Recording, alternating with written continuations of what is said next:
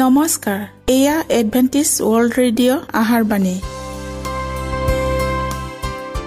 ষোল্ল মিটাৰ বেণ্ডত সোতৰ হাজাৰ আঠশ দহ কিলো হজত। এডভেণ্টিছ ৱৰ্ল্ড ৰেডিঅ' যোগে অসমীয়া ভাষাত প্ৰচাৰিত আহাৰবাণী প্ৰত্যেক বুধবাৰ আৰু দেওবাৰ সন্ধিয়া সাত বজাত আহাৰবাণী শুনাৰ পিছত আপোনালোকৰ কিবা মন্তব্য আৰু প্ৰশ্ন থাকিলে আমালৈ এই ঠিকনাত লিখক। আমাৰ ঠিকনাটি হৈছে Adventist World Radio' seven day Adventist মণ্ডলী অসম শাখা লতাকাটা বশিষ্ঠ গুৱাহাটী সাত আঠ এক শূন্য দুই ন।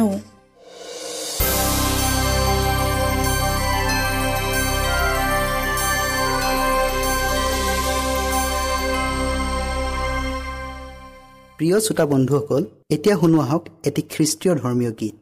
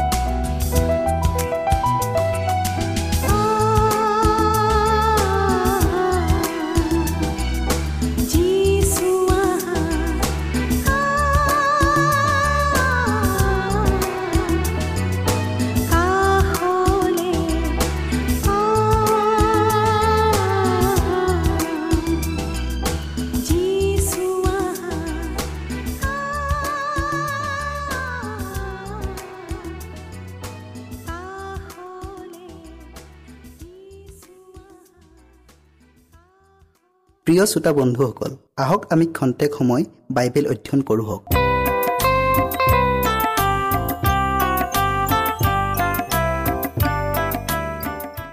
আজি আমি নৈতিক চৰিত্ৰৰ বিষয়ে অধ্যয়ন কৰোঁ হওক। বাইবেল প্ৰতি লোৱা হৈছে দ্বিতীয় কৰিন্থিয় দহ অধ্যায়ৰ পোন্ধৰ পদ। আমি যে অপৰিমিত ৰূপে পৰৰ পৰিশ্ৰমৰ কথাত শ্লাঘা কৰিছোঁ এনে নহয়। কিন্তু তোমালোকৰ বিশ্বাস বাঢ়িলে। আমাৰ পৰিমাণ জৰি অনুসাৰে আমি তোমালোকৰ মাজত বহল্যৰূপে এনেকৈ বৃদ্ধি হ'ম। আমি প্ৰাৰ্থনা কৰোঁ হওক। হে কৰোণাময় ঈশ্বৰ যে হোৱা ধন্যবাদ প্ৰভু তোমাৰ প্ৰেম আৰু আশীৰ্বাদৰ বাবে। তুমি যেনেকৈ আমাৰ লগত দিনেই ৰাতিয়ে আছে ঠিক তেনেদৰে এতিয়াও বিশেষ সময়টো তুমি আমাৰ লগত থাকা। প্ৰভু পবিত্ৰ আত্মাৰ যোগেদি সকলো শ্ৰোতাৰ হৃদয়খন স্পৰ্শ কৰি দিয়া। যীশুৰ নামত খুজিলোঁ। আমেন। ছয়তানৰ যাদু মন্ত্ৰৰ ক্ষেত্ৰৰ পৰা আপুনি নিজকে আঁতৰাই ৰখা উচিত আৰু ইয়াৰ লগতে আপোনাৰ মনটোক ঈশ্বৰৰ লগত থকা সম্পৰ্কৰ পৰা আঁতৰি আনিবলৈ নিদিব। কৃষ্টৰ যোগেদি আপুনি আনন্দ পাব পাৰে আৰু আনন্দ পোৱাও উচিত আৰু নিজকে সংযমত ৰখাৰ অভ্যাস গঢ়ি ল'ব পাৰিব। এনেকি আপোনাৰ চিন্তাধাৰা বড়ো ঈশ্বৰৰ ইচ্ছাৰ লগত মিলিব লাগিব আৰু আপোনাৰ অনুভৱবোৰ যুক্তি সংগত আৰু ধাৰ্মিক মনোভাৱৰ হ'ব লাগিব। আপোনাৰ কল্পনাবোৰে আপোনাক বিদ্ৰোহী কৰি নোতোলক আৰু ইয়াক নিজৰ পথে যাবলৈ এৰি নিদি দমন কৰি ৰাখক নাইবা শৃংখলাযুক্ত কৰক। চিন্তাধাৰাবোৰ যদি ভুল হয় তেন্তে অনুভৱবোৰো ভুল হ'ব আৰু এই চিন্তাধাৰা আৰু অনুভৱ দুয়ো মিলিয়ে নৈতিক চৰিত্ৰ গঠন হয়। আপুনি যদি আপোনাৰ নিজৰ মনৰ আধাৰত চলে আৰু আপোনাৰ চিন্তাধাৰাক সন্দেহ অবিশ্বাস আদিৰ কবলত পৰিবলৈ এৰি দিয়ে তেন্তে আপুনিও অতিকৈ অসুখী সেই মানুহৰ কেইজনৰ শাৰীত নিজকে অনুভুক্ত হোৱা দেখিবলৈ পাব। আপুনি এটা মানসিক বেমাৰত আক্ৰান্ত হৈছে। আপুনি আপোনাৰ নিজস্ব বিচাৰধাৰা আৰু বোধ শক্তিক আপোনাৰ অনুভৱৰ হাতত সম্পূৰ্ণকৈ এৰি দিয়াৰ দ্বাৰাই আপুনি ঈশ্বৰক অৱজ্ঞা কৰিছে। আপোনাৰ সিদ্ধান্ত ল'ব পৰা এটা ইচ্ছা শক্তি আছে যিটোৱে মনটোক শৰীৰৰ ওপৰত ক্ৰিয়া কৰিবলৈ বাধ্য কৰায় যাৰ ফলত আপোনাৰ ৰক্ত সঞ্চালয়ত অসমতা স্থাপন হয়। আৰু ইয়াৰ ফলত কিছুমান অংগত তেজৰ চাপ বৃদ্ধি পায়। আৰু ইয়াৰ দ্বাৰাই আপুনি আপোনাৰ স্বাস্থ্যখিনিক অনুভৱৰ হাতত গতাই দিছে। আপুনি এনে এটা মাৰাত্মক ভুল কৰিছে যিটো ভুলৰ শুধৰণি নাই আৰু যিটো ভুলৰ দ্বাৰা আপোনাৰ সমস্ত সুখ নাইকিয়া হ'ব পাৰে। আপুনি নিজকে ঘূণীয়া কৰিছে। মাত্ৰ নিজকে নহয় কিন্তু আপোনাৰ পৰিয়ালৰ আন সদস্যসকলকো ঘূণীয়া কৰিছে। আপুনি আপোনাৰ কুকল্পনা বেয়া চিন্তাবোৰক দমন কৰক। এইবোৰে যদি আপোনাৰ কল্পনাক পৰাভূত কৰিব নোৱাৰে সেয়া পাপ নহয়। কিন্তু পৰাভূত হয় যদি মহাশত্ৰুজনৰ হাতত নিজকে অৰ্পণ কৰে তেন্তে সেয়ে পাপ হ'ব।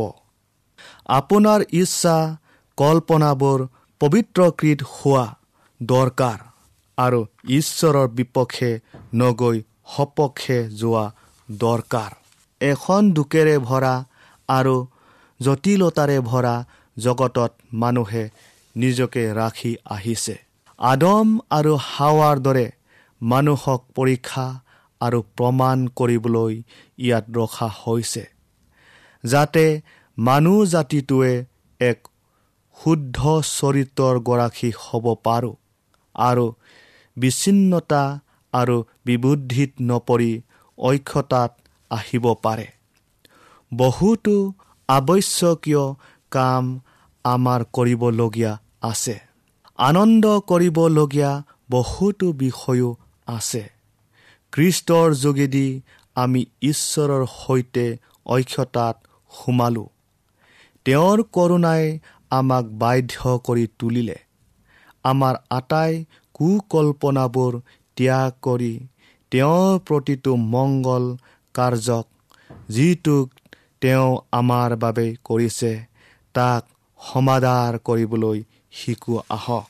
ইয়ুব আঠাইছ অধ্যায়ৰ ওঠৰ পদটো আমি আকৌ চাওঁ তাৰ আগত পোৱাল আৰু স্ফটিকৰো নাম ল'ব নোৱাৰি।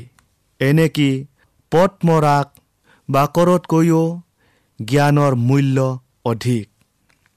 ঐশ্বৰিক চৰিত্ৰৰ আধাৰত গঢ়ি উঠা এটা চৰিত্ৰৰ অধিকাৰী হ'ব পাৰিলেহে আমি এই জগতৰ পৰা আন এখন ঠাইলৈ যোৱাৰ কথা ভাবিবলৈ পাৰোঁ। যিসকলে এই জগততে কৃষ্টৰ সকলো নিৰ্দেশ পালন কৰিছে তেওঁবিলাকে প্ৰতিটো ঐশ্বৰিক গুণ লগত লৈ স্বৰ্গলৈ গমন কৰিবলৈ সক্ষম হ'ব। আৰু স্বৰ্গত আমি সকলো ক্ষেত্ৰতে বৃদ্ধি পায়ে থাকিম। মানসিক যোগ্যতা আৰু প্ৰতিভাশালী গুণবোৰ চৰিত্ৰ নহয় কাৰণ এই গুণবোৰক প্ৰায়েই বেয়া চৰিত্ৰৰ মানুহৰ গাতহে থকা দেখিবলৈ পোৱা যায়। ভাল নাম থকা অৰ্থাৎ সুনামো চৰিত্ৰ নহয়। ভাল চৰিত্ৰ হৈছে আত্মাৰ এনে এটা গুণ। যিটো আচাৰ ব্যৱহাৰত আপোনা আপুনিকৈ প্ৰকাশ পায়। এটা ভাল চৰিত্ৰ হৈছে সোণ আৰু ৰূপতকৈও মহামূল্যৱান। আমাৰ জীৱনৰ বাবে মূল মন্ত্ৰ। অকৃতকাৰ্যয়ো ইয়াৰ ওপৰত একো প্ৰভাৱ পেলাব নোৱাৰে।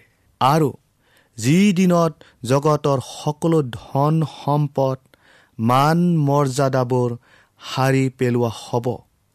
সেই দিনটো এই ভাল চৰিত্ৰই বহু ফলোৱান প্ৰতিদানেৰে আমাক সম্পদশালী কৰিব।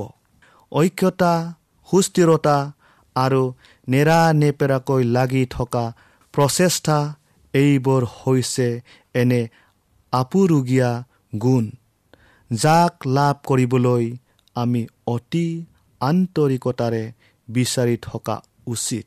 আৰু সেইবোৰ লাভ কৰি নিজৰ জীৱনত ব্যৱহাৰ কৰা উচিত।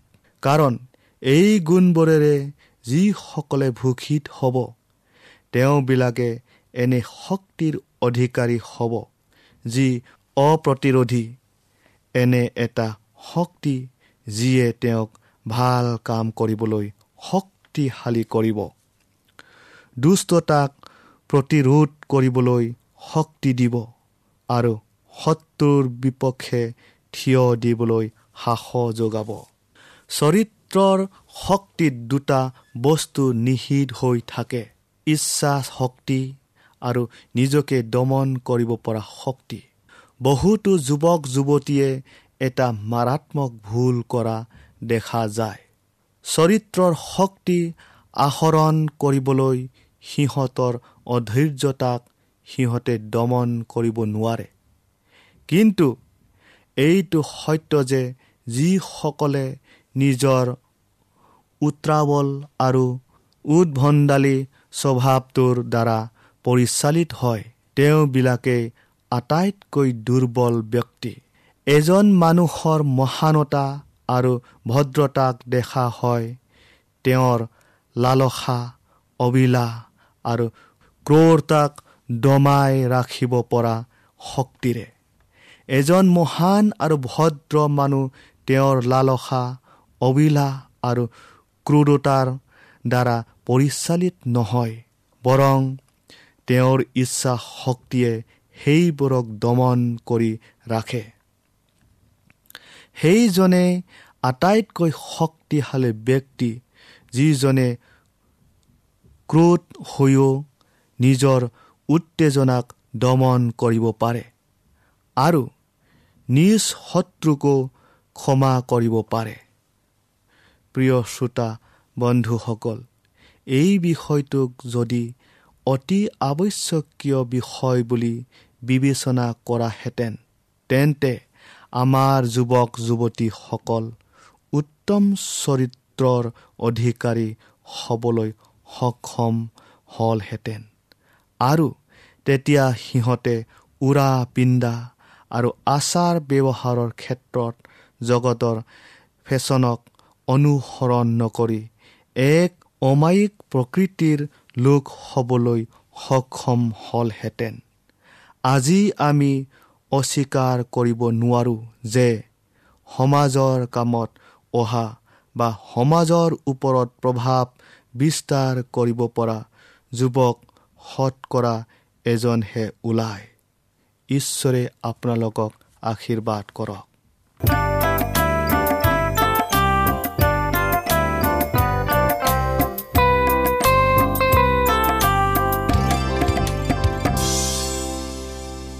ইমানপৰে আমি বাইবেল অধ্যয়ন কৰিলোঁ। এতিয়া আকৌ শুনো আহক এটি খ্ৰীষ্টীয় ধৰ্মীয় গীত।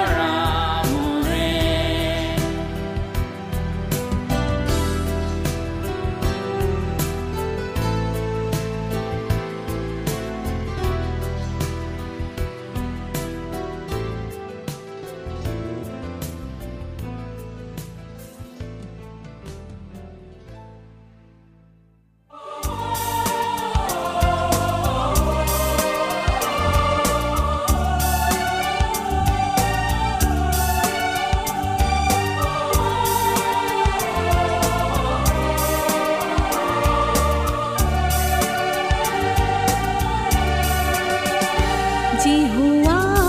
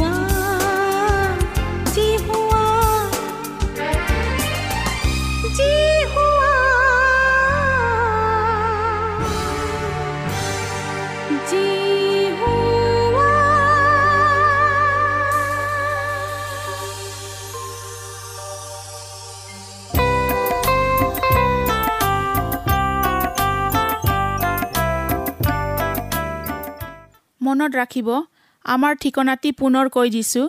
Adventist World Radio' Assam region of seven day Adventist Voice of Hope Latakata Basistha Guwahati seven eight one zero' two nine প্ৰিয় শ্ৰোতা বন্ধুসকল এডভেণ্টিজ ৱৰ্ল্ড ৰেডিঅ' যোগে আহাৰবাণী প্ৰচাৰত আপোনালোকক পুনৰ লগ পোৱাৰ আহাৰে আজিলৈ সামৰিলোঁ।